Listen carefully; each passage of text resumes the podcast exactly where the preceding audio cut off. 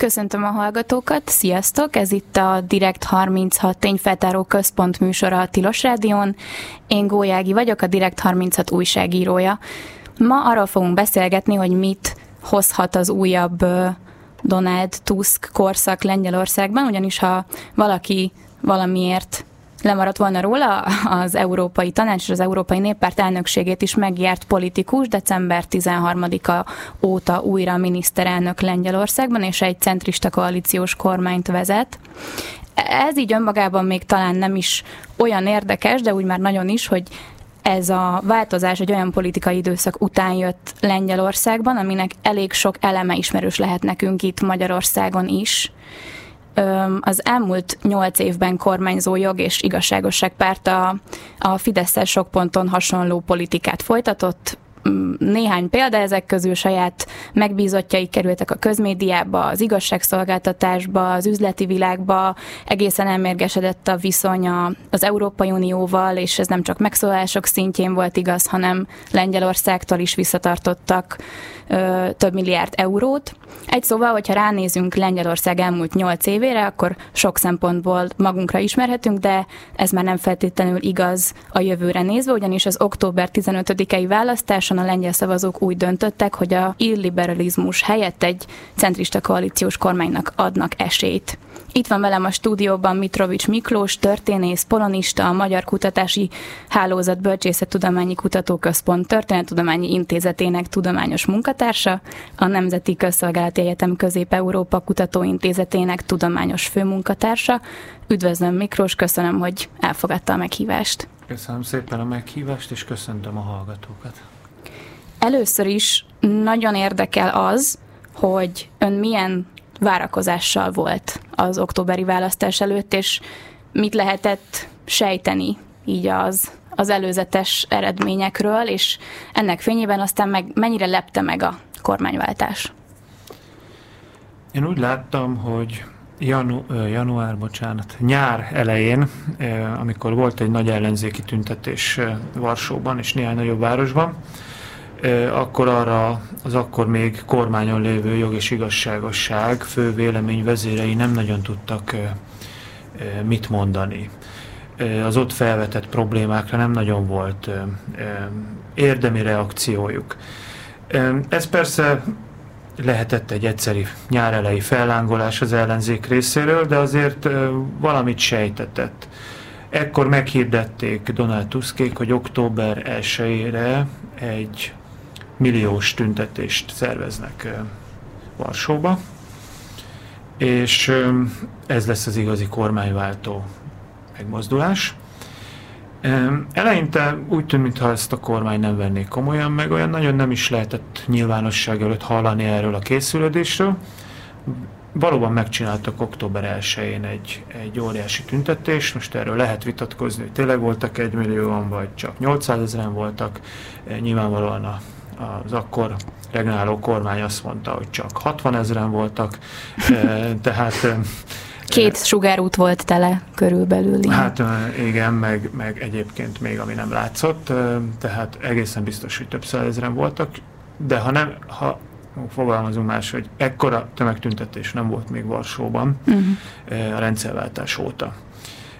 Ez azért jelzett valamit, de azt gondolom, hogy ekkor már a kormánypárt is kezdett aggódni, hiszen ugyanerre az időpontra, bár nem ilyen látványos nagy rendezvényt, hanem Katowice-ben, ugye Szilézia iparvidék, az ottani sportcsarnokban, a híres Spodekben, ami mondjuk egy 10-12 ezer nézőt tud befogadni, egy párt kongresszus vagy konvenciót hívtak össze, ahol négy órán keresztül szónoklatok szóltak egymás után, hát többnyire az ellenzék akkori vezérét Donald Tuskot szidalmazva, meg azzal riogatva a választópolgárokat, hogy mi fog történni, hogyha ők most újra visszatérnek a hatalomba. De az, az igazság, hogy ezt a lengyelországi elemzőket, de szerintem még a kormány párthoz tartozó elemzőket, és hallgatva azért az volt a vélemény, hogy ez azért nem, nem, nem egyensúlyozta ki a Varsói Milliós tüntetést, és ami még szembetűnőbb volt, most persze nyilván egy 12 ezeres sportcsarnok, meg egy több százezeres utcai tüntetés nem is lehet egy mérlegre tenni, de inkább én azt tenném mérlegre, vagy azt tettem akkor, hogy ki mit üzent.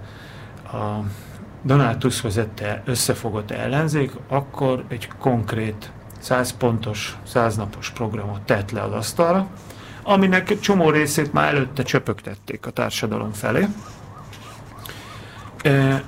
100 pontos sok. Uh-huh. Mi volt a másik oldalon? Azt kell mondanom, hogy szinte semmi. Tehát nem tudtak reagálni az ellenzék által felvetett témákra, és nem csak októberben, hanem mondom már nyáron sem, nyár elején sem, de ekkor egyértelműen, expliciten világossá vált, hogy itt van egy 100 pontos program, megpróbálnak róla nem tudomást venni, de nem ajánlanak mást. Tehát azt gondolták, hogy vagy illetve azt gondolom, hogy nem teljesen bíztak benne, de azért mégis erre alapozták a, a kampányokat, a kormánypártiak, hogy az, ami 8 és 4 éve bejött, hogy, hogy főleg a, a családoknak, a gyerekes családoknak viszonylag jelentős pénzt juttatnak havonta, ez elég lesz ahhoz, hogy újra behúzzák a választásokat. Csak hogy ugye 8 éve ezt meg lehetett ígérni, 4 éve ezt meg lehetett csinálni, most viszont lényegében nem volt újabb pénzügyi ígéret, tehát nem volt újabb osztogatási ígéret. Nyugdíjasoknak próbáltak 13. 14. havi nyugdíjjal kampányolni. Nyilvánvalóan ez egy fontos bázisa volt a PISZ-nek, vagy most is az. De ez kevés volt. Tehát igazából nem volt érdemi víziója arról, hogy mit akar Lengyelország az Európai Unióval, mit akar Lengyelország az oktatással, mit akar Lengyelország a, a, a jövő generációival, mit akar a kis- és középvállalkozó szektorral, a startupok világával, a németekkel való viszonyjal. Nyilván a keleti dolgok, tehát Ukrajna és Oroszország kérdése az, az nem annyira volt napirenden, hiszen itt ebben lényegében konszenzus van a szélső jobbot leszámítva. Szóval nem volt válasz ezekre a kérdésekre, és nem voltak válaszok azokra a kérdésekre ideológiai okokból, amelyek aztán a mobilizációt jelentették, hogy azok a konzervatív szemléletű intézkedések, amelyeket az elmúlt nyolc évben, de az utóbbi négy évben különösen bevezettek Lengyelországban, az abortusz teljes tiltása, az abszolút prioritás volt. Aztán, a, hogy élettársi kapcsolatok engedélyezésének a kérdése, ugye Lengyelországban jelen pillanatban még nem lehet regisztrált élettársi kapcsolatot létesíteni férfi-nők között sem.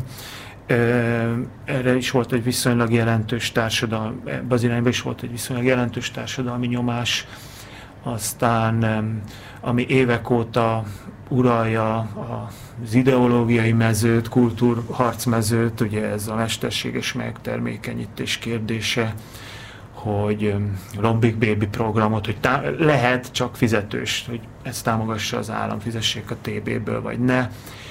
Ezeket zsigerileg elutasította a kormány, miközben láthatólag az ellenzék egyre inkább felkarolta ezeket a témákat, még akkor is, ha vannak ellentétek az ellenzék különböző pártjai között ezekben a kérdésekben, de megérezték valahogy, nem tudom, hogy mértéke, vagy, vagy egyszerűen csak ráéreztek a társadalmi hangulatra. Szerintem csak ráéreztek, mert mérni senki nem mérte. 8 vagy 9 kutató dolgozott az elmúlt választások követő hónapokban Lengyelországon. Senki nem mért ilyen magas részvételi arányt. Ez ilyen 6-8 millió emberrel is több ment el szavazni, mint amire a legoptimistábbak becsültek az utolsó héten. Tehát inkább választói akarat megérzése lehetett, hogy fel kell vállalni ezeket. És a száznapos programba két héttel a választásokat beletették ezeket a kérdéseket, hogy lazítanak az abortusz szabályokon, lehet majd élettársi kapcsolatokat legálisan kötni, és fogja a tévé támogatni a Zombie Big programot, És ezekben egyébként már december 13-án alakult meg az új kormány, ez még nincs egy hónapja, de ebben már elfogadtak törvényeket, és nem, nem, nem lehet azt mondani, hogy tétlenkednének, mert uh, volt ugye ez az egész közmédiával, közmédia körüli uh, balhé még karácsony előtt, amit az első napjai voltak a, a, a, az új TUSZ kormánynak, és a Senkevics kulturális miniszter a TVP ellen felszámolási eljárást indított, és ez egy nagyon komoly frontot nyitott a, a, a, a PISZ és ugye Duda elnökkel szemben is. Arra az volt az általános reakció, hogy ez jogellenes, egyébként még ilyen civil szervezetek is olykor né- néhány alkalom vagy fronton így elítélték ezt, a, ezt, a, ezt az intézkedését az új kormánynak, de érdekel, hogy ön szerint miért ez lett az első intézkedés. Van ebben egy nagyon erős gesztus érték is, de, de egy valódi igény kielégítése is, hogy, hogy, hogy miért ez, ez volt az első, ami, hmm. amit megtettek. Igen, hát akkor ennek menjünk egy kicsit sorba, mert ennek, ennek is előzményei vannak a választások előtt. Tehát október első két hetében már érződött, hogy megfordul a közhangulat, ezt már mérték is, tehát nem volt, még az első kérdés, nem azt mondtam, igazából nem volt akkor a meglepetés, hogy az ellenzék, ha nem is egyedül az egyik pár, de összefogva a három nagy ellenzéki választási lista jelentős mandátum többséget szerzett a pisz szemben, és a PISZ-nek még úgysem lett volna többsége, hogyha a szélső vagy radikális jobboldali konfederációval összeáll, az is kevés mandátumot hozott. Tehát igazából ez érezhető, ott nem volt meglepetés, de valahogy a, a a PISZ, jog és igazságosság nem vette tudomásról, hogy ezt a választást elvesztették. Nyilvánvalóan megnyerték, tehát ha azt nézzük, hogy, hogy ők kapták a legtöbb szavazatot, ők végeztek a pártok közül, a pártlisták közül az első helyen, való igaz, tény. De hát nem erről szól a parlamenti logika, akinek több mandátum van, az nyert de nem vették tudomásul, és mintha mai napig nem vennék tudomásul, hogy ők ezt a választást nem megnyerték, hanem elvesztették. Méghozzá meglehetősen csúnyán, hiszen ilyen mandátum többsége nem volt nekik az, el, nem volt nekik az elmúlt nyolc évben, öt mandátumos többségük volt végig, valamikor kevesebb, sőt az utóbbi másfél évben már kisebbségi kormányzásban voltak, mert az egyik kis jobboldali koalíciós társuk kilépett. Most egy világos, egyértelmű állásfoglalás volt a társadalom részéről, hogy elegük van ebből. Ők ezt nem vették tudomásul, és úgy is csináltak. Ugye kihúzták két hónapig, két, az alkotmány két hónapot adott számukra, tehát mindent ki, a maximális dátumig kihúztak, a szejm összehívását, a kormány bejelentését, annak a bizalmi szavazását az utolsó napra időzítették, majd annak a várható bukása után jöhetett létre lényegében majdnem két hónappal, két nap hiány két hónappal a választások után Donald Tusk új kormánya.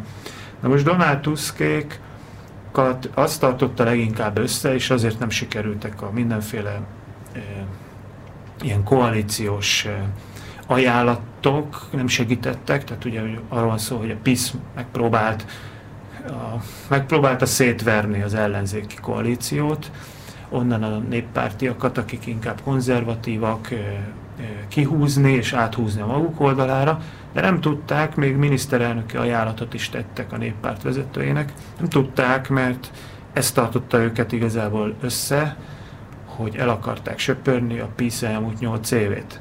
És ezt akkor nem, nem akarták elhinni, egyébként sok elemző is lehetségesnek tartotta. Világos volt, hogy miért nem akarnak. Azért nem akarnak, mert ők ezért fogtak össze. Nem azért fogtak össze, mert a baloldal, a Levica azonos társadalmi programot vall a polgári platform egyébként nem tudom, konzervatív képviselőjével a fenéket. Egy csomó mindenben nem értenek egyet ezek a politikusok. Ugye ebben is reményenek, hogy majd akkor szétbomlik, erről is beszélgethetünk később.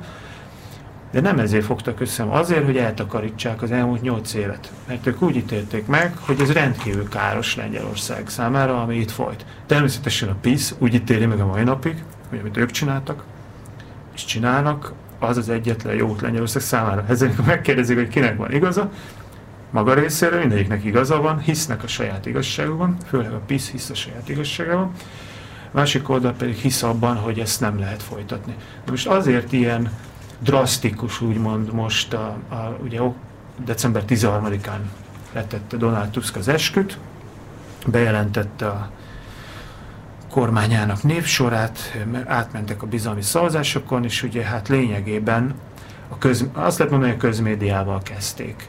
Hát miért? Természetesen azért, mert a közmédia az elmúlt nyolc évben lényegében egy, egy anti-Tusk média volt. Tehát oda bármikor oda lehetett kapcsolni, egészen biztos, hogy kisvártatva jött egy műsor, amelyben Donald Tuskot, egyébként mikor még az Európai Tanács volt, néppárt élén volt, vagy mindegy mi volt, Donald Tuskot ö, ö, lejáratják, tehát ö, hogy már a 80-as években is a németek embere volt, hogy már akkor is el, eladta volna a hazát az oroszoknak, mindenfélét kitaláltak róla, össze-vissza idéztek mindenféle, még szamizdatban megjelent cikkekből is, bizonyítva azt, hogy ő igazából nem is lengyel. Tehát az, hogy német ügynök, hogy az édes nagyapja Wehrmacht katona volt, sőt, egyesek szerint tiszt, ami teljes hülyeség, fogságba volt, német fogságba került, mint minden más lengyel, és onnan kényszer sorozták be, nem lehetett tiszt. Mindenféle kitaláltak róla, és ez folyamatosan ment, de ez tényleg folyamatosan. Ez nem kampányszerűen, állandóan ment. A kampányban erre ráerősítettek. Külön műsor gyártottak, Reset címmel, óriási költségvetéssel és nagy professzionalizmussal, egyébként mind film, nagyon hatásos volt. Több részben ment a köztévén, a YouTube-on, mindenhol, amelyben lényegében azt próbálták bizonyítani, hogy Donald Tusk, amikor kormányon volt, sorozatos hazaárulást követett el, németek és az oroszok irányába, beleértve a Smolenski katasztrófát, annak a nem, kiviz, nem e, e, teljes körű kivizsgálását, stb. stb. Itt voltak mindenféle visszaélések, e, előcitáltak levéltárakból titkos kormánydokumentumokat, e, stb. E, teljesen várható volt, és ezt meg is ígérték a száznapos programban, és ehhez jön egy másik ok, hogy miért várható, ugyanis mi a baj az Európai Uniónak a lengyel, áll, a lengyel kormányjal? Hát a, a jogállamiság leépítése.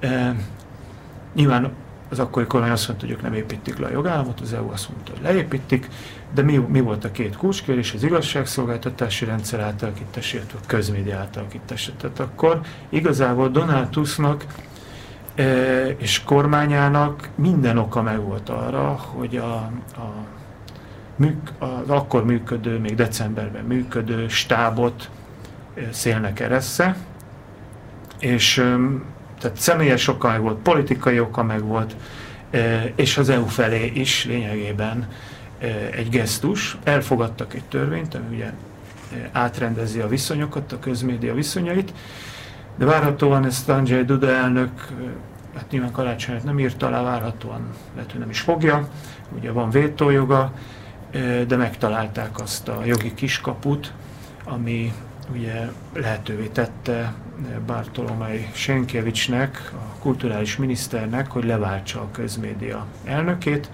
és az új elnök viszont célnak keresztette első körben a híradó stábját, amelyet ugye a PISZ fő propaganda szócsövének tartottak. Na most ez szerintem teljesen várható volt, az is várható volt, hogy fognak találni olyan jogi lehetőséget, hogy meg tudják ezt tenni. Választási kampányban rengeteg jogász nyilatkozott meg az ellenzék oldalán is, hogy hogyan lehet az elnöki vétót kikerülni, hogyan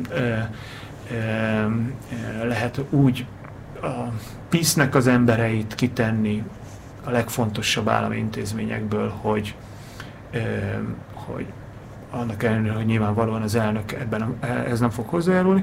Úgyhogy itt is megtalálták ezt. Én nem vagyok jogász, ezt sem mondom, hogy a lengyelek teljesen egyetértenek abba, hogy jogszerű volt ez a de- december 21-i eljárás. de azért nem is volt annyira föltől elrugaszkodott drasztikus dolog. Az volt a drasztikus, hogy lényegében egy nap alatt tényleg szélnek keresztettek mindenkit, és másnap este 19.30-kor már új híradó volt a, a televízión. Próbálkozott a régi gárda, én pont kint voltam, pont kimentem Lengyelországba 21-én, és és kint volt a helyszínen? Pont kiértem, és aztán olvastam a neten, hogy most nincs tévéadás, úgyhogy bekapcsoltam gyorsan a tévét a szállásomon, és valóban a, a hírtévé, a, a, ez a mai az M1-nek megfelelő TFUP info, ahol egész nap hírek mennek, az szüneteltette rövid ideig az adását, de aztán később már mentek a, az adások. Ugye megpróbálta PISZ egy egy székház blokkádot, és karácsony előtt megvalósítani, hát ez hanvába volt. Igazából az derült ki, hogy az, mondjuk azt eddig is tudtuk, hogy Varsó nem a PISZ közege. Tehát ott neki olyan nagy bázisa egyébként se volt. Hát Kaczynszki nem ismert elindulni Varsóban, pedig mindig ott indult, elment Kielcébe, nem akart nagyon csúfosan kikapni.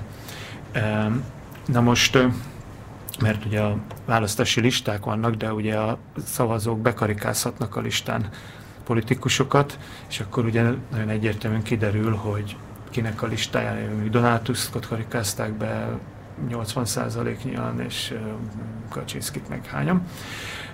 Tehát Varsó nem a PISZ közege, ekkora országban ilyen rövid idő alatt mobilizálni vidékről szinte lehetetlen, tehát Hambában volt ez a székházfoglalás, és akkor most kivezeti a közmédiát, amíg várunk a, a végleges? Hát most van egy kinevezett igazgató, ugye azt ígérte Tusk a 100 konkrétum 100 nap programjában, hogy közmédia a közt fogja szolgálni.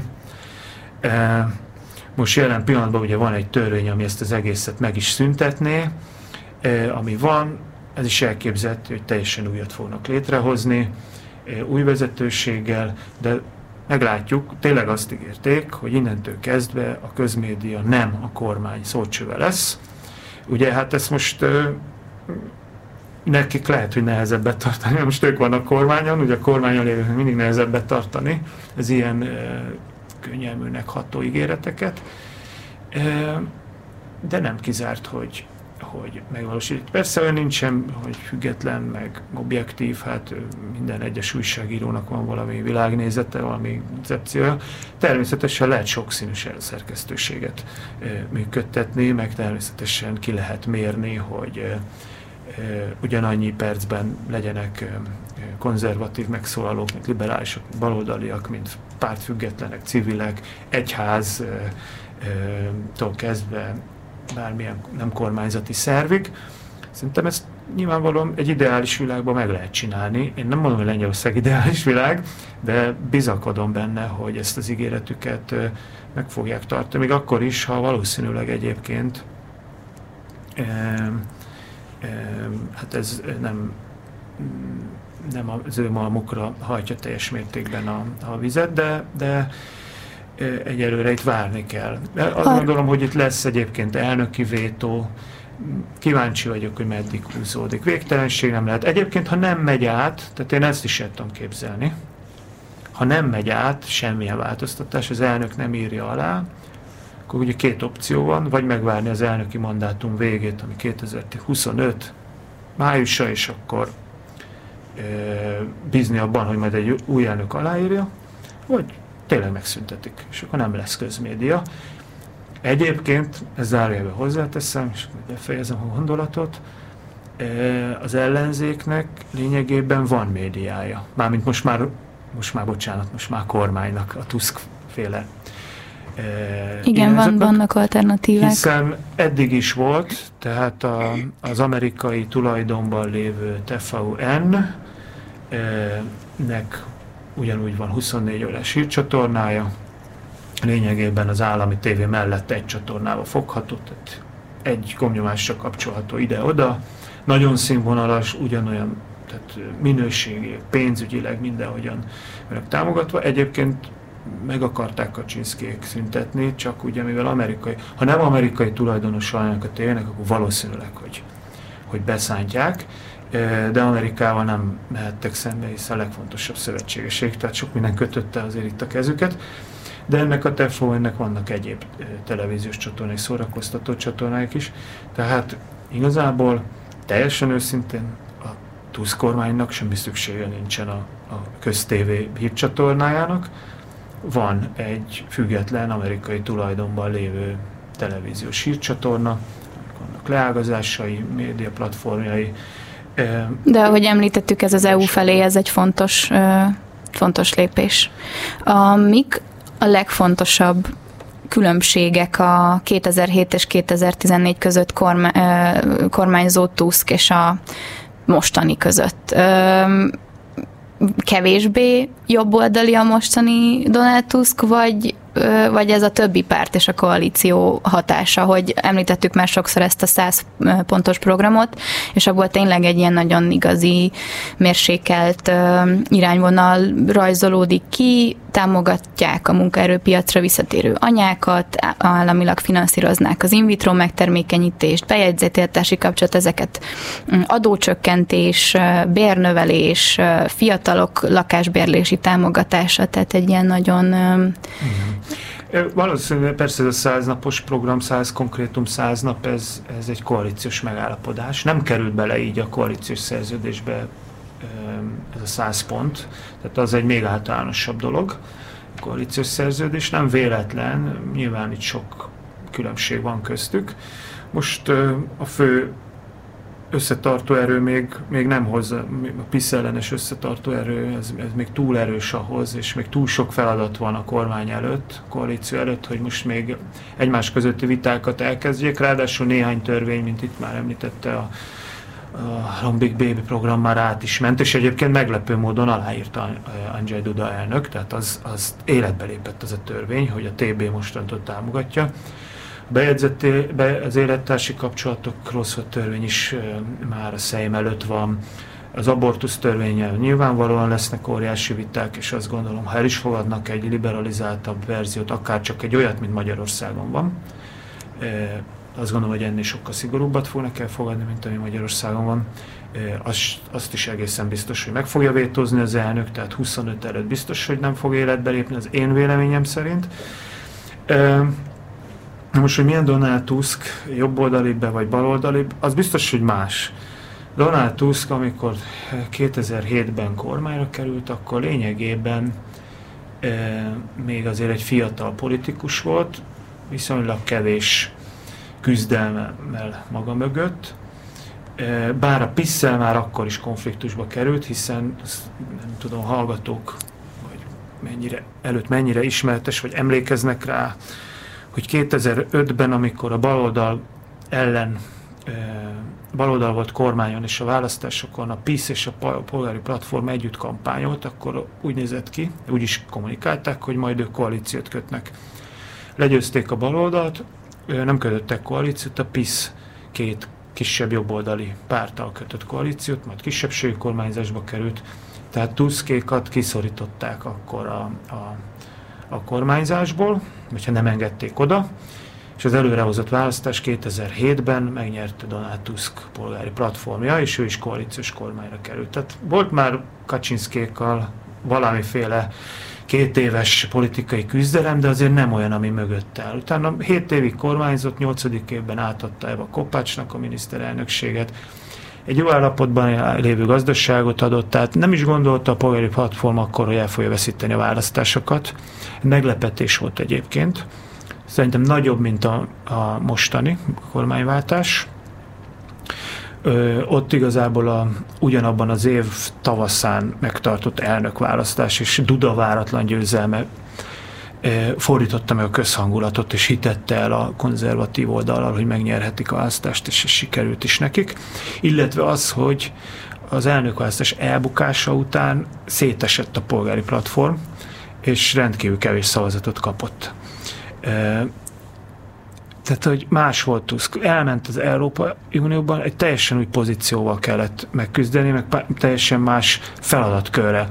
Gondolj bele, hogy neki ott ő, ő kvázi fölötte állt a legnagyobb európai államok miniszterelnökének, Németország, Franciaország, Spanyolország, Olaszország, még amikor nem volt Brexit, akkor mondjuk az angol miniszterelnök fölött, beleszokott viszonylag jól megtanulta közben angolul, tudott már, csak azért érződött, tehát össze lehet hasonlítani, hogy hogyan beszélt mondjuk 2014-15-ben, és hogyan beszélt mondjuk 5 évvel később. E, nyilvánvalóan e, nem egy egyszerű, pozit, nem egy egyszerű helyzetben került e, az Európai Tanács élére. Ott volt Krím elfoglalása, az oroszok, az orosz-ukrán háború 2014-es kezdete, majd jött a Covid, aztán közben ugye ő az Európai Néppárt vezetője lett, de ez is mutatja, hogy kivívta magának a tiszteletet, a rangot, hiszen egy, egy a legnagyobb frakció élére megválasztották. Úgyhogy ő egy igazi európai politikus lett, ami példanélkül lengyel történetben, miközben otthon őt folyamatosan a kormány folyamatosan uh, szitta, lejáratta uh, a leg alantasabb módszerekkel a, a, a saját médiájában. Ez, ez igazából ténykérdés, tehát ezt nincs, nincs értelme ezen vitatkozni, hogy ki hogy látja. Ez, ez így volt, és nem arról volt szó, hogy, hogy igaz, igazat mondanak-e, vagy nem, hanem az volt a cél, hogy Tuskot lejárassák. Nem is akart visszajönni Lengyelországba, ez egészen világos, hiszen nem jött vissza. Négy év PISZ kormányzás köz, után sem és nem volt egészen biztos egy évvel ezelőttig, hogy ő el fogja vállalni ezt a szerepet. Mert miért mit lehet tette volna, miért tette volna ezt ő?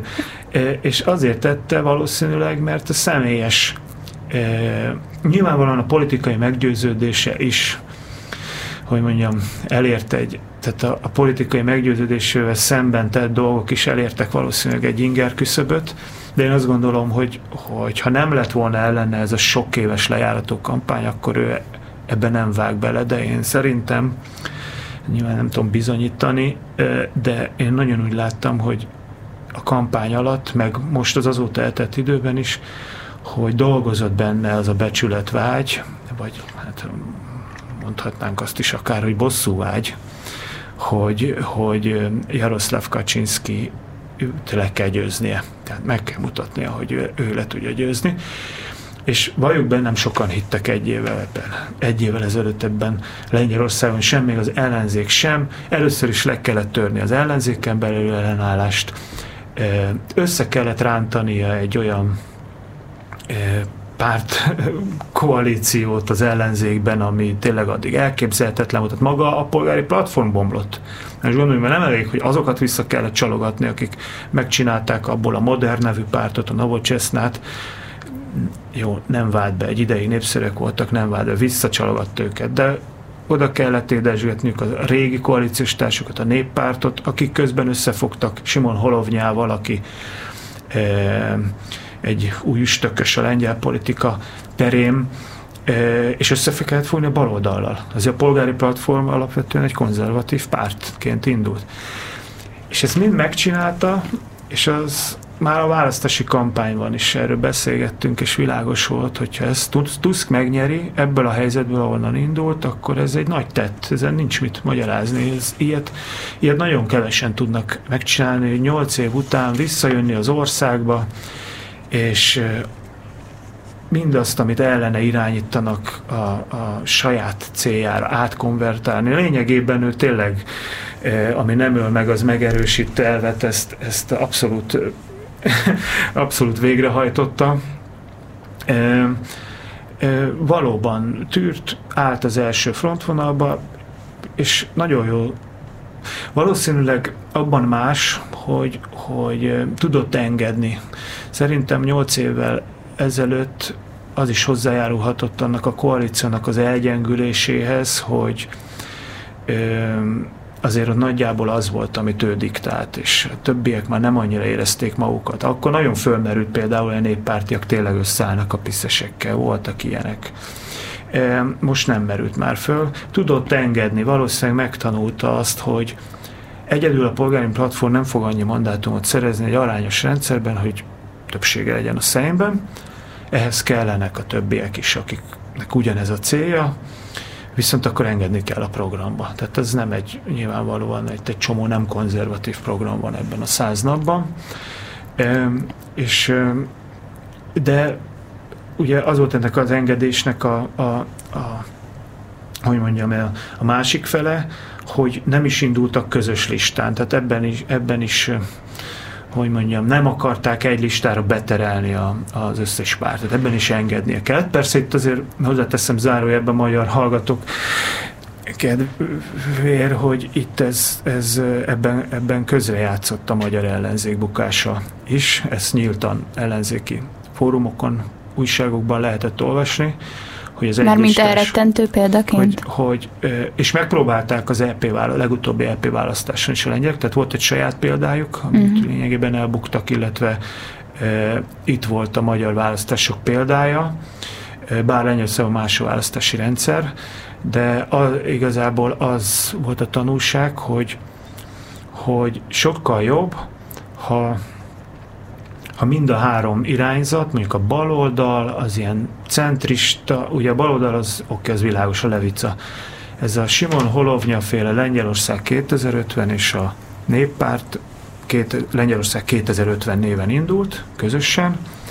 Ezek inkább a centrista, liberális konzervatívok, akiknek elegük van a polgári platform és a PISZ több év, most már két évtizedes vetélkedéséből, tehát nekik is meghagyta a teret, ti kampányotok ezekkel a témákkal, mi polgári platformosok meg mondta, gondolom, Tusk azt mondta, hogy mi meg maximáljuk a saját eh, bázisunkat, és hát igazából még ott is még egy nagy engedménye volt, ami egyébként most egy kicsit szerintem visszaütött, hogy abba is belementek, sőt, eh, hát lehetett hallani választások előtt a polgári platformos aktivisták között, hogy tudatosan átszavaztak a harmadik útra, Holovnyáékra és a néppártra, polgári platformosok. Ez néhány százalék is lehetett, mert ez ki is jött, az összes kutató abban tévedett, hogy egy-két százalékkal többet jósolt a polgári platform listájának, és keve, ugyanennyivel kevesebbet a harmadik útnak, és fordítva lett ezzel egy nagyon erős harmadik utat szavaztak be, és Holovnya lényegében ennek köszönhetően lett most a Szejm marsalja, a Szejm elnöke, és azóta csak növekszik a népszerűsége, már. 18-19-20 százalékokra is mérik őket, Beszéljünk egy kicsit Halovnyáról, mert őről, róla külön szerettem volna, tényleg egy nagyon érdekes karakter most a politikai palettán. Ő régóta ismert figura Lengyelországban, mm, újságíró, média személyiség, nem tudom, hogy most hogy nevezzem ő, ő, ő mi volt, de egy ilyen nagyon népszerű tévés műsorban volt zsűri. Um, tehát egy... Csillagszületikben volt, a lengyel Csillagszületik egyik évadában uh-huh. ő volt a műsorvezető.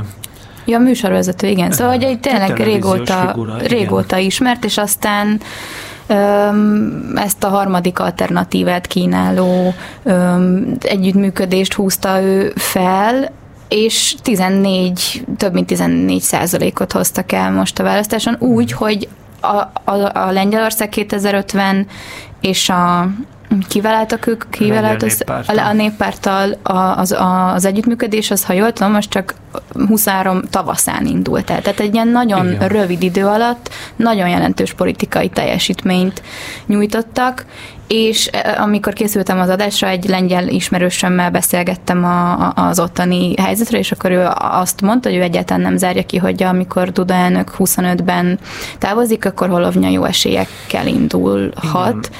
Mit tud Holovnya ennyire? Igen, az kimaradt még, hogy Holovnya végül is nem most lett igen, a tévéből ismerték a lengyelek, de ő a három évvel ezelőtti elnök választáson már elindult, és Tényleg, meglepetésre igen. bejutott a második, for, bocsánat, nem, bejutott a másik fordulóba, igen, ugye a három legjobb jutott be, és akkor végül is vissza vagy harmadik helyen végzett, bocsánat, és az első kettő jutott be a másik fordulóba, de hogy harmadik helyen végzett 20% körül eredménye, ha jól emlékszem.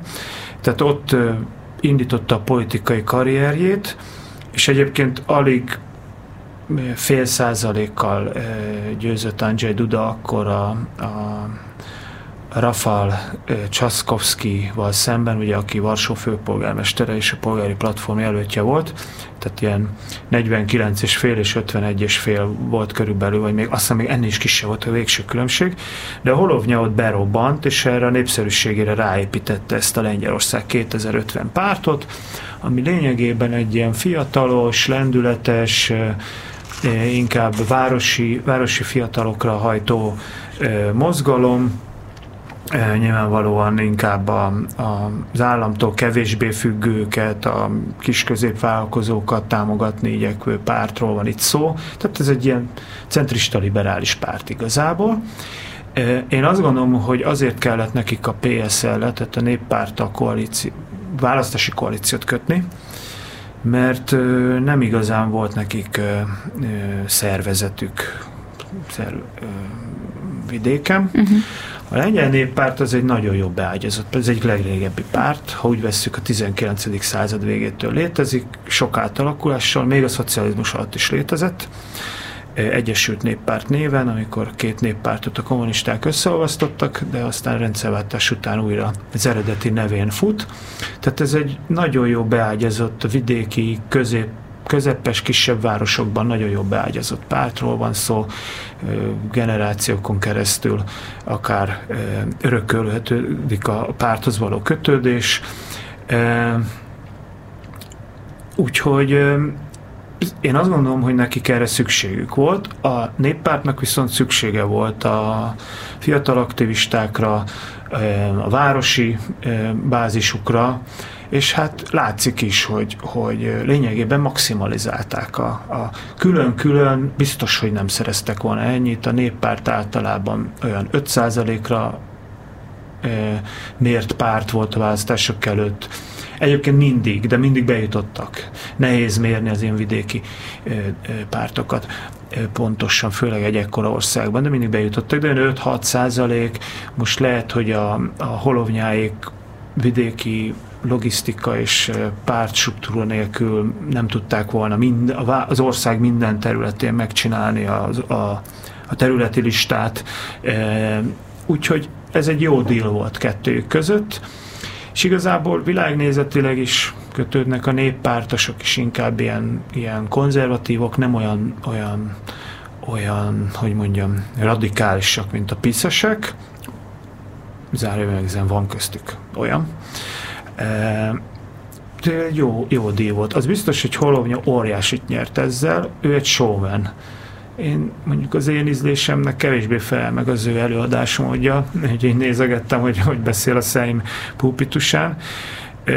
Egy fontos pozíciót szerzett meg, ő nem akart miniszterelnök helyettes lenni, hanem marsal akart lenni, ugye ez a Szeim elnöke, ez egy erős pozíció, nélküle lényegében nem nagyon lehet kormányozni sikeresen. Ő tudja hátráltatni a törvények elfogadását, ő határoz az ülések összehívásáról, rengeteg trükkre ad lehetőséget, hogyha hogyha olyan kiegyenlített a pártpaletta, mint Lengyelországban.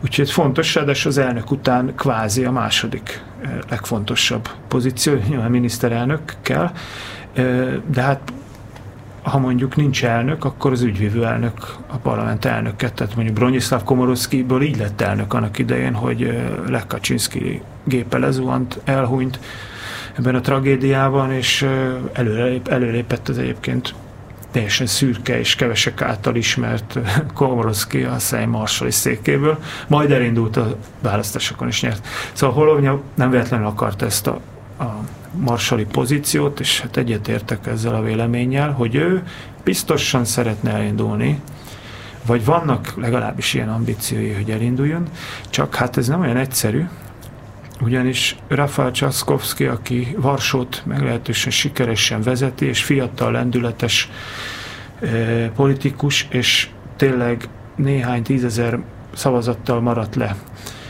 Dudától három évvel ezelőtt, tehát neki két év múlva is azt gondolom, hogy nagy esélye van, és ő azt gondolom, hogy azért is nem involválta magát a választási kampányban, persze hivatkozhatott arra, hogy egy varsói főpolgármesternek nem kell a választási kampányban részt venni, minimálisan részt venni, tehát mégiscsak a polgári platformhoz tartozik. A végén ott volt a tüntetésem persze Varsóban, de jó, én azt gondoltam, hogy jóval aktívabban kihasználják az ő, ő hát hogy 10 millió szavazatot szerzett lényegében, ugyanannyit, mint Duda, tényleg néhány ezer különbséggel. Ez egy óriási 10 millió szavazatot párt soha nem kapott Lengyelországban, most sem, meg négy éves sem, meg nyolc éves sem. Tehát az, az, azzal, azzal egyedül is lehetne kormányozni. Még ilyen magas részvétel mellett is szerintem ugye ilyen 8 millió négy éve 8 millió szavazat körül kapott a PISZ, és azzal tudott egyedül kormányozni, most magasabb részvétel volt, a 10 milliót nem kapott senki. Úgyhogy, de nem építettek különösen Csaszkowskira, és azt gondolom, hogy ő is azért tartotta magát távol ettől, mert ő is szeretne indulni. Na most ennek a kormánykoalíciónak két erős embere lesz, aki elnök szeretne lenni, ez okozhat némi feszültséget. Vagy a másikat ki kell valami másik pozícióval engesztelni. Miklós, már nagyon sok mindent említettünk, de még a, a gazdaságról mindenképpen szeretnék beszélni, mert ez a viharos nyolc év a PISZ kormány alatt egy, egy gyakorlatilag töretlen gazdasági felíveléssel járt egybe, ami 91 óta növekszik a, a, lengyel gazdaság, egy ilyen gyakorlatilag régiós középhatalommá nőtt fel, és még a 2008-as válság idején is képesek voltak növekedni, globális nagyvállalatok gyártását helyezik át Ázsiából Lengyelországba, az Intel épít 5 milliárd dolláros csipgyártóüzemet Lengyelországban. Minek köszönhető ez a nagyon régóta tartó gazdasági növekedés? Igen, azt hiszem Lengyelország egyedülálló ebben a régióban, sőt talán Európában is, hiszen még a 2008-2009-es globális világgazdasági válságot is növekedéssel érték túl.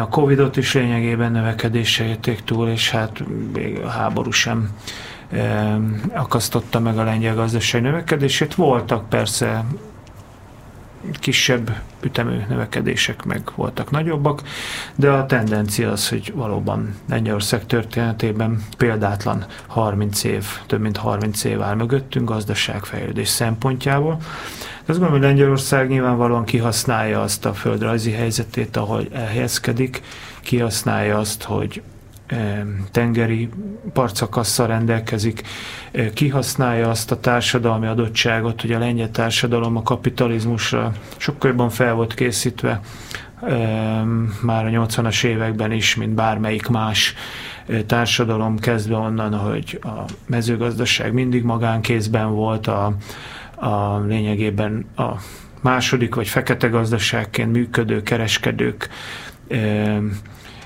tömegeket tettek ki Lengyelországban a 70-es, 80-as években, köszönhetően annak, hogy a szocializmus rendkívül hatékonytalanul, rosszul működött Lengyelországban, ezért az államhatalom is lehetővé tette az állampolgárok számára az egyéni kiutak keresését ilyen módon. Ez jól jött később, akkor ez nagy szenvedés volt a lengyelek számára, mindennapi életeket tekintve.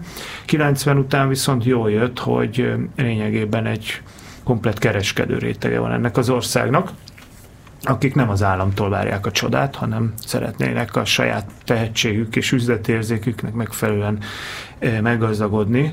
Hát néhányan egész magasra vitték, csak itt a CCC-t szoktam általában hozni, hogy egy utcai cipőkereskedőből mondjuk egy globális hálózat nőtt ki, de hát a kozmetikumok terén és, és egészen magas szintre jutott el Lengyelország. Vagy itt pont az erdőkről beszéltünk adás előtt, ugye a faipara, és a többi, tehát Lengyelországnak nagyon sok mindene van, és hát nyilvánvalóan a, a külföldi befektetők azt is mérlegelik, hogy, hogy egy milyen társadalmi közegben kerülnek. Ez az Intel beruházás, igen, ez, ez is példanélkül, hiszen ez zöld zöldmezős beruházás, Ráadásul csipgyártásról van szó, tehát itt nem összeszerelésről van szó, hanem lényegében a komplett üzemet, gyártósort elejétől a végéig Lengyelországban fogják készíteni. Lengyelországban az is kihasználja, hogy számos nagyvárossal van, tehát nem csak Varsóra épült. Tehát vannak objektív előnyei Lengyelországnak, tehát Poznány, Wroclaw, Gdańsk, ezek mind húzó erők a külföldi befektetők számára. A lengyel gazdasági növekedéséhez azért hozzájárult az is, hogy a lengyelek rendkívül mobilisak voltak, ahogy lehetett elsőként mentek tömegével Nyugat-Európába dolgozni. Nyilvánvalóan annak is köszönhető volt, hogy már a 80-as években is egy millió lengyel elment Nyugat-Európában dolgozni tehát voltak már kapcsolódási pontok, de egész lengyel közösségek vannak, Angliára kell csak gondolni, de Németországot is lehetne említeni. A gazdasági világválság éveiben például a hazautalt pénzek kimutathatóan segítették, hogy pluszba legyen a GDP növekedés Lengyelországban. Tehát sok-sok olyan tényező van, ami hozzájárul, illetve hát az is, hogy, hogy igazából nem, tehát itt úgy indítottuk ezt a beszélgetést, hogy sok hasonlóság van mondjuk a PISZ és a Fidesz politikai között.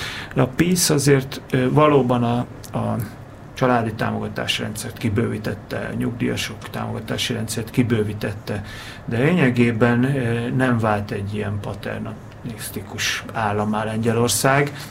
Volt miből osztogatni, nem váltak be azok a jóslatok, hogy ez tönkreteszi a gazdasági növekedést, igazából megnövelte a fogyasztást, felszámolta a vidéki mélyszegénységet. E, más jellegűek is egyébként a lengyel osztogatások, mint a magyarok, zárójelben mondom, alanyi jogon adnak, lényegében a családi pótlékot emelték drasztikusan, tehát a három gyerek után több mint forintba mondva, több mint 200 ezer forint a családi pótlék alanyi jogon, tehát nem adó visszatérítés formájában. Tehát ez céles rétegeket érintett pörgette, tovább pörgette a gazdaságot. Nem telepedett rá az állam a gazdaságra. Itt elhangzott, meg mindig elhangzik, igen, beültettek felügyelő bizottságokba kormánypárti politikusokhoz közel állókat, stb. De lényegében nem e, e, uralta le a lengyel kormánypárt a lengyel gazdaságot. Tehát Lengyelországban a szabad piac, a verseny e, működik e, továbbra is, Úgyhogy ez, ez azt gondolom, hogy további nagy perspektívákat nyújt a Lengyelország számára. Lényegében túlélték ezt a háborús inflációs periódust is, most mondjuk még 6% fölött van az infláció, tudjuk, hogy a lengyelek szeretnek panaszkodni, ez már náluk a világ vége, meg szoktam őket hallgatni, és... és aztán elmondod, elmondja ön is, hogy szóval, mi van hogy, itt. Hogy nem meglepő, hogy gyorsan regenerálódik egy ilyen háborúsoktól a lengyel gazdaság, tehát náluk a, a szankciók kérdése egy percig se volt, nem merült fel, hogy nem kellene Oroszország ellen szankciókat bevezetni, sőt, tudjuk Lengyelország szószólója a szankció, újabb és újabb szankciók bevezetésének. Nem merült fel az, hogy ez most a lengyel gazdaságot csődbe viszi, és minden növekedés, még annak ellenére van, hogy valóban, ahogy itt említette, hát itt súlyos euró 10 milliárdokat tart vissza az EU, Lengyelország tól, amelyből most már felszabadultak kisebb összegek, most 5 milliárd euró került Lengyelország számlájára, bár ez egyébként ez Donald Tusk eladta saját sikereként, de ez valójában azért ez nem sok köze volt, valljuk be. Ez, ez, ezt azért már letárgyalták az EU-val a, a Moravieckiek. Úgyhogy azért most már csordogálnak, nyilvánvalóan, ha Donald Tusk visszaállítja az igazságszolgáltatási rendszert, EU-konformá teszi, illetve hát ugye már január 1-től csatlakoztak is a tudtommal az Európai Ügyészséghez. Ez is egy fontos lépés volt. A közmédia, mint szó volt róla, vagy átalakul, vagy megszűnik, tehát ez a probléma nem lesz. Azt gondolom, hogy onnantól kezdve nincs oka az Európai Uniónak, hogy visszatartsa. Itt akár 70-80 milliárd euróról is szó lehet, az viszont gondolj be, hogy enélkül is gazdasági növekedés van Lengyelországban, ha ez megérkezik, akkor az új kormány minden adócsökkentését, lakáshoz jutást,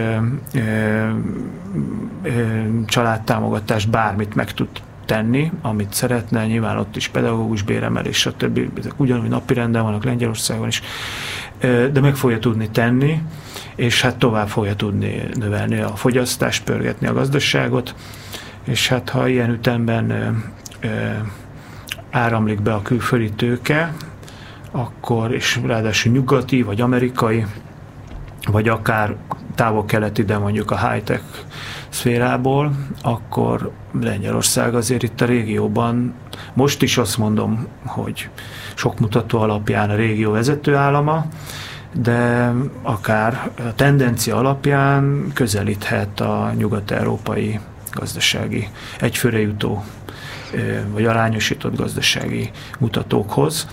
Úgyhogy jó úton van Lengyelország. De azt mondanám, hogy a, a, nem, nem a rossz kormányzásba hú, bukott bele a PISZ, ahogy egyébként 8 évvel ezelőtt a PO se, hanem, hanem egyszerűen belebuktak most a túlzottan dogmatikus ideológiai programjukban. Mm, foglaljuk össze egy kicsit Tusk és Orbán Viktor kapcsolatát. Ez egy elég régi és elég terhelt kapcsolat. Én most két dologra vagyok igazán kíváncsi ebből, hogy van egy telefonálónk, úgyhogy ezt majd utána fejezzük be. Haló? Sziasztok, Marva vagyok.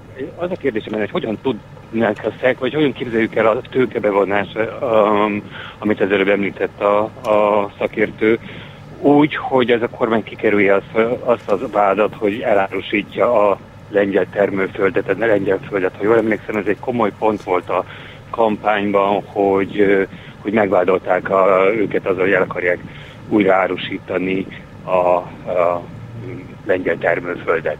Ez az Intel beruházásra gondol?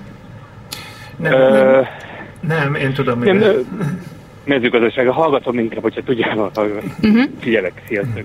Köszi, sziasztok. Köszönjük.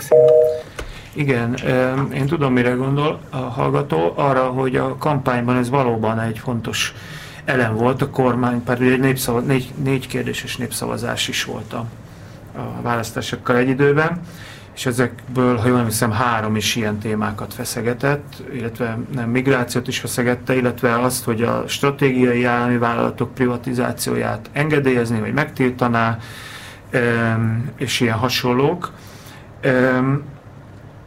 Én nem gondolom, hogy a Tusk kormány stratégiai állami vállalatokat privatizálna, bár valószínűleg lesz privatizáció, volt is az előző Tusk kormány alatt is, az az igazság, hogy, hogy a, nem volt túl hiteles a PISZ részéről sem ez az egész, hiszen pont a választási kampány előtt privatizálták például Szaudarábiának, Szaudarábiai cégnek a Gdański olajfinomítót, amiért egyébként az Orlen elnökét most meglehetősen támadják, és bár nem könnyű meneszteni, de minden jel arra mutat, hogy napjai vagy hónapjai meg vannak számlálva az Orlen élén, sőt még akár e, valami eljárással is szembenézhet a bíróságon.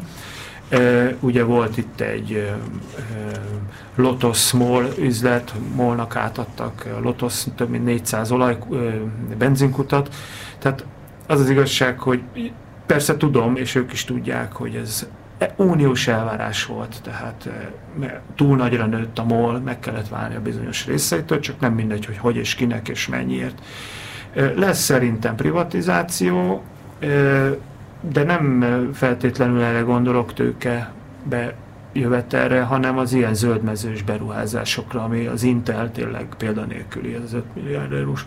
Tehát ilyen, ilyen nem volt tudtommal az egész régióban.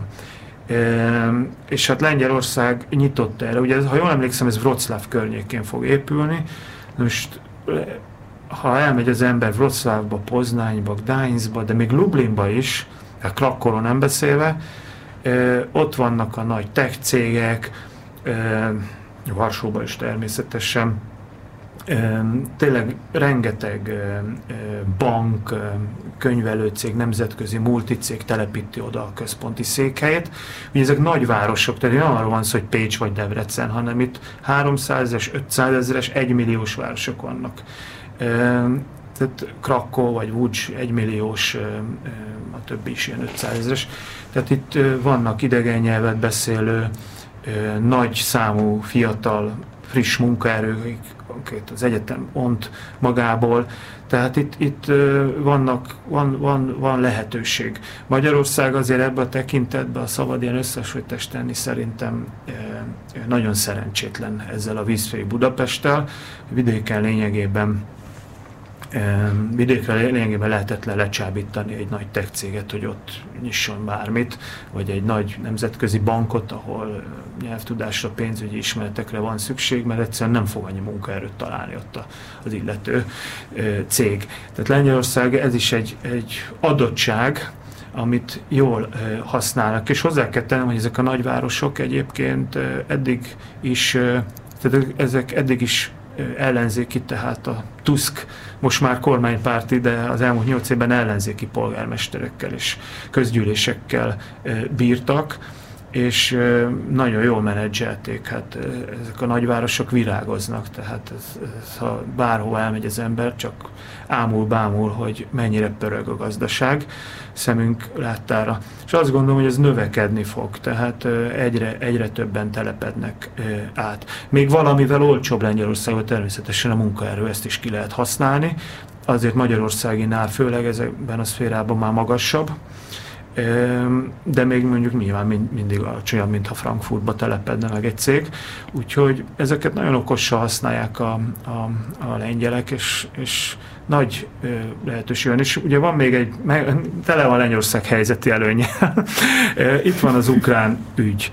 Ugye Lengyelországban is lenne óriási munkaerőhiány, és ez jelentkezett is már háború előtt is, mármint amit mi itt háború kezdetének 22-t nevező, de 14-ben már ugye ez kirobbant, és mai információk szerint azért három, három és fél millió ukrán munkavállaló egészen biztos van Lengyelországban, tehát amennyi lengyel eltávozott az EU-ba, vagy Angliába, annyi jött keletről, és ezek a munkavállalók, ezek lényegben kulturálisan közel állnak a lengyelhez, nyelvet fél év alatt megtanulják, de lényegében, ha első nap munkába áll egy ukrán, egy pénztárat biztos tud kezelni a kisboltba, tehát igazából ők nagyon gyorsan tudnak nyelvileg, kulturálisan asszimilálódni, tehát nincsenek ilyen, ilyen. Vannak persze súrlódások, de nem, nem, nem, nem ilyen alapvetően, mint amikor mondjuk egy teljesen más kultúrából bevándoroltakat kell valahogy integrálni, asszimilálni. Tehát ez egy nagyon szerencsés helyzet, ebben a szerencsétlen háborús szituáció, ezt ki kell mondani, és nem véletlen, hogy minden ukrán ellenes véleményt pedig az főleg a PISZ-ben és a PISZ táborában voltak, meg a szélsőjobbon, még a tőlük szélebb rároknak, elnyomták. Pont ebből kifolyólag gazdasági érdeke Lengyelországnak, hogy ott legyen ez a három-három és fél millió ukrán, Ebből már nem tudjuk mennyi a menekült, állítólag még egy millióan vannak menekült státuszban, de hát ők is azt gondolom, hogy nagyon rövid időn belül átkerülnek a keresők közé, és már járatják iskolába gyerekeiket, akik már szinte lengyelek lesznek. Ez Lengyelországnak szintén egy óriási gazdasági és tehát ezt a munkaerőhiányt át tudják vészelni viszonylag könnyen, kisebb súrlódásokkal. Úgyhogy sok potenciál van Lengyelországban. Reméljük, hogy a hallgató Remélem, választ kapott, köszönjük nem, szépen. Mi ott tartottunk, hogy hogyan változott Donald Tusk és Orbán Viktor kapcsolata. Ez egy barátságból indult, és vagy hát mhm. legalábbis politikai szövetségből, és aztán ez az évtizedek során jócskán megváltozott. Mi volt a barátság oka, és mi lett az ellens, ellentét oka ön szerint? Lényegében Donald Tusk és Orbán Viktor ugyanaz a generáció, 80-as években voltak fiatalok, egyetemisták, ellenzéki szerep, majd a rendszerváltás után politika. Mindegyik lényegében egy ilyen liberális vonalról került át a, a konzervatívabb irányzathoz, Donald Tusk inkább ilyen, ilyen centrista irány maradt, tehát ez a konz-lib vonal.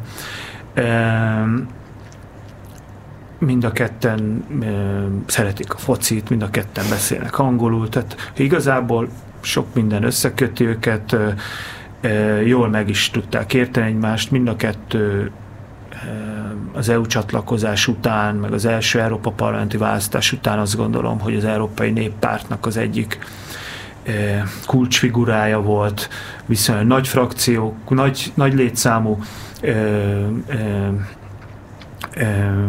képviselővel vetették magukat részt.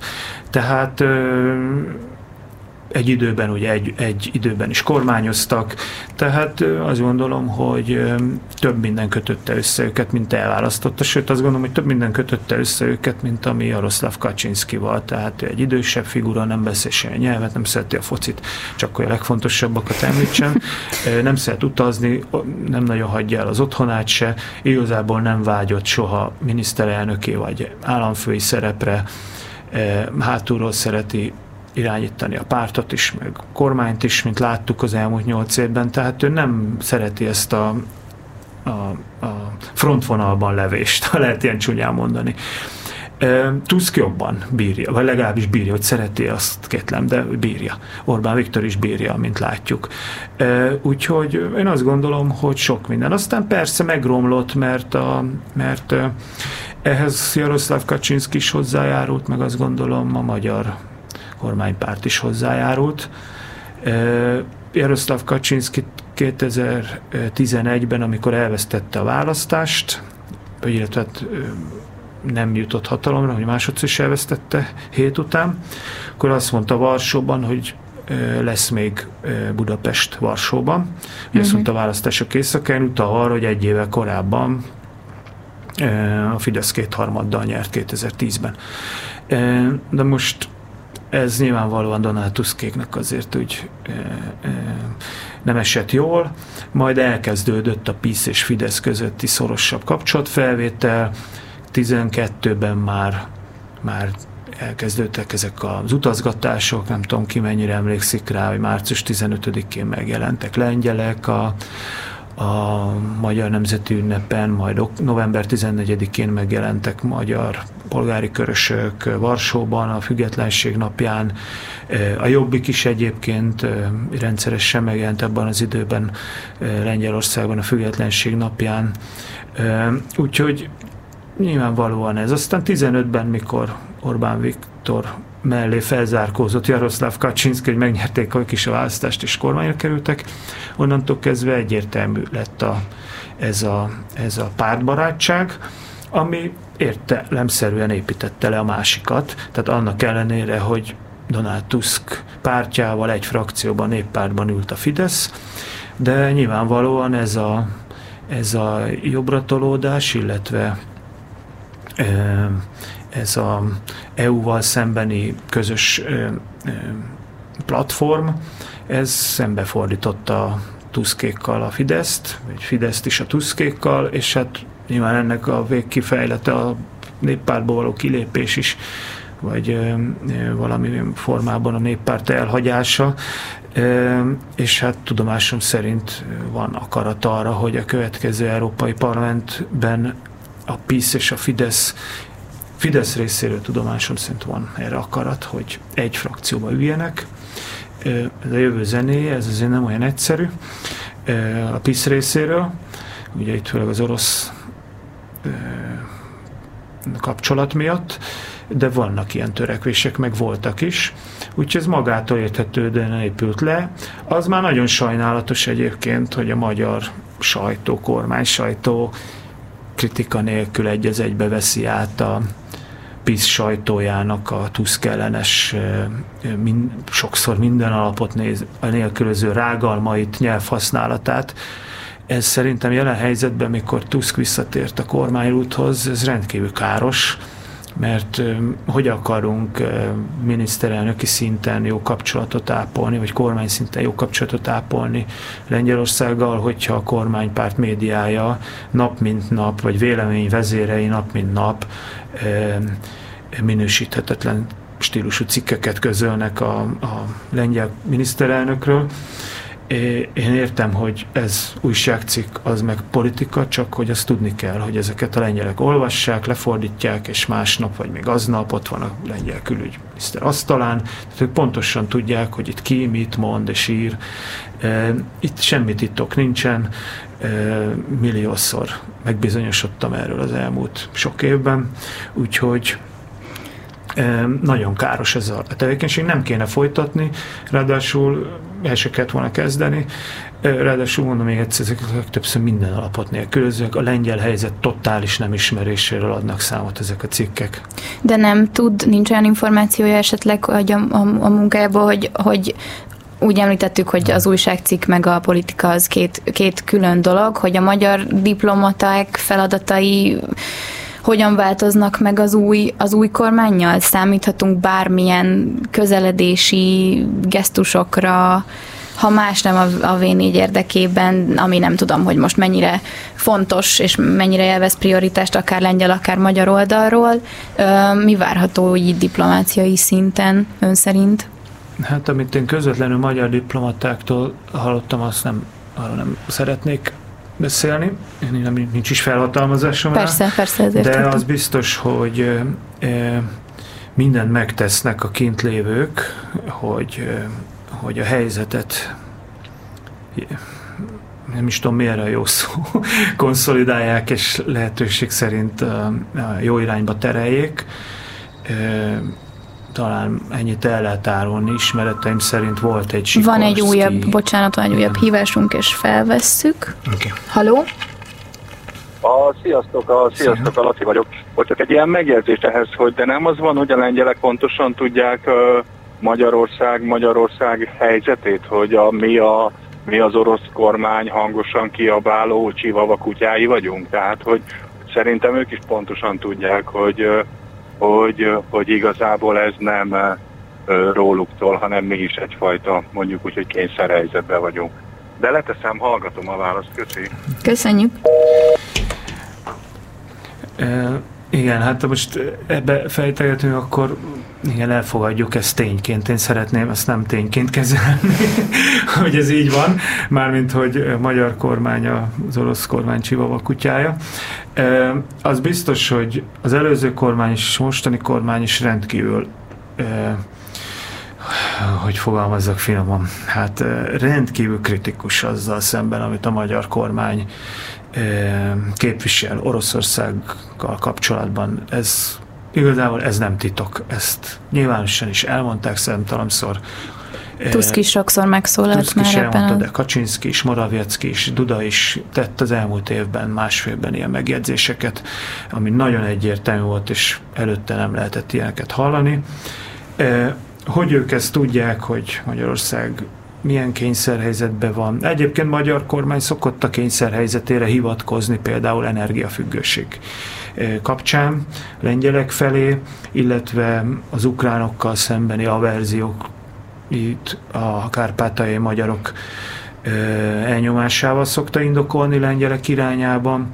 Ezeket meg szokták hallgatni, de azt azért nem állítanám az én ismereteim szerint, hogy akceptálják is ezeket az érveket. De azt gondolom, hogy ettől függetlenül lehetne normális kapcsolatokra törekedni, és azt gondolom, itt pont a hívásnál akartam mondani, hogy van is erre irányuló törekvés. Ismereteim szerint Radoszláv Sikorszki felhívta telefonon már Szijjártó Pétert, külügyminisztert, tehát volt egy telefonbeszélgetésük, ami, hogy mondjam, nem sikerült rosszul a hírek szerint, a plegykák szerint, ennyit tudok róla nyilvánosan elmondani. Tehát nem ragadták meg egymás torkát elsőre. Ezt azért annak kontextusában értékeljük pozitívan, hogy Sikorszki azzal kezdte a új külügyminiszteri pályáját, hogy bejelentette, hogy Oroszországot vissza kell zavarni onnan, ahonnan jött a pokolba. Tehát itt nem arról van szó, hogy Sikorszki hirtelen megszerette volna az oroszokat, hanem egyszerűen arról van szó, hogy, hogy egyelőre azért nem, nem szándékoznak szerencsére rossz viszonyban. Nem jó az senkinek, szerintem nekünk, magyaroknak se. És most az egyszerű állampolgárokra is gondolok, meg a gazdaságnak is. Ez rengeteg lengyel-magyar együttműködés van az élet minden területén, az üzleti világtól, a kulturális, oktatási, tudományos szféráig. Nem jó az, ha két kormány rosszban van. Úgyhogy én igaz, magam részéről én nagyon örülök, hogyha ezek a tapogatózó tárgyalások legalább úgy zárulnak, hogy mindkét félnek az a véleménye, hogy ez jó volt. Aztán, hogy ebből mi lesz a nyilvánosság előtt, az, az kérdéses. De az biztos, hogy, hogy számomra teljesen érthetetlen módon a kormány médiája azt gondolom, hogy a kormány szándékaival szemben tevékenykedik jelen pillanatban a lengyel ügyben. Én nem gondolom, hogy Orbán Viktorék rossz kapcsolatot akarnak az új lengyel kormánya. Nyilván nehéz ezt kommunikálni, Donald Tusk eljött az ellenzék tüntetésére a választások előtt, ez biztos, hogy kormány oldalon nagyon negatívan fogadták, és nehéz lenyelni. Donald Tusk megkapta ezért a magáét a sajtóba, tehát elképesztő csaták voltak, nem csak most, hanem már évekkel ezelőtt is. Úgyhogy, de azt gondolom, hogy lehet pragmatikusan is. Ha a magyar kormány azt mondja, mindig ez a hogy mondjam, a, a végszó, a magyar kormány azt mondja, hogy Robert Ficóval lehet pragmatikus együttműködés kialakítani, pedig aztán a Smer és a Fidesz között ideológiai nem sok hasonlóságot tudok felfedezni, arról nem beszél, hogy a Smer alatt mondjuk milyen volt a határon túli magyarok helyzete Szlovákiában, vagy mondjuk Vladimir Putyinnal lehet pragmatikus viszonyt ápolni, miközben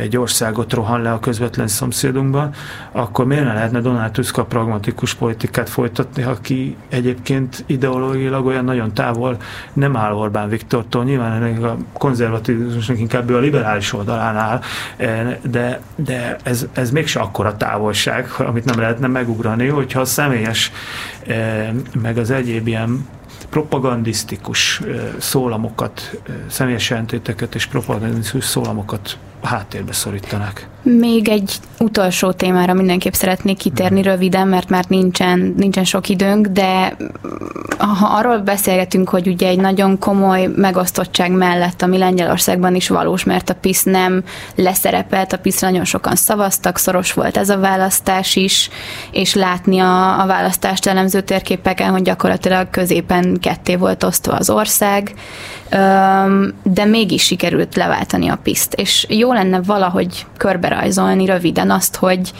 hogy most a lengyel társadalom immunrendszerében működik valami jobban, vagy a választási rendszerében valószínűleg mindkettő, de hogy ennyire sokat jelent az, hogy, hogy mindig volt működő parlamentarizmus Lengyelországban. Miért, miért sikerült ez az elég nagy feladat most a lengyel, Lengyelországban? Igen, mind a kettő, tehát a választ, arányos választási, listás választási rendszer, tehát hogy nincs egyéni mandátum, mind a 460 képviselőt listáról juttatják a szembe, illetve van egy felsőház a szenátus, ahol 100 szenátort választanak, ott viszont egyéni mandátum keretében egy fordulóban, ott ugye kétharmad, 67 képviselője van a Tuszkék kormánykoalíciójának. Mondjuk ott egyébként ed- eddig is két fős többségben voltak, vagy egy fős többségben voltak. Úgyhogy a választási rendszer sajátosságát, magyartól eltérő sajátosságát nem lehet elhanyagolni. Azt gondolom, hogy egy ilyen vegyes rendszerben mint a magyar, nem biztos, hogy elbukta volna a PISA választást, bár ha azt nézem, hogy a szenátorok egyéniben 67-et a 100-ból megnyertek, akkor itt már rögtön korrigálnom is kell magamat. Szóval más, és itt jön be a lengyel szavazók a magatartása, vagy hogy fogalmazom, immunrendszere. Valóban azt gondolom, hogy enélkül választási rendszer ide vagy oda nyert volna a PISZ. Tehát az, hogy elment 6 vagy 8 millió olyan szavazó, akit tényleg az utolsó héten sem ért senki. Hát azt mondták, hogy 65% lesz a részvételre, 74, 74 igen. fölött. Elképesztő. Az rengeteg.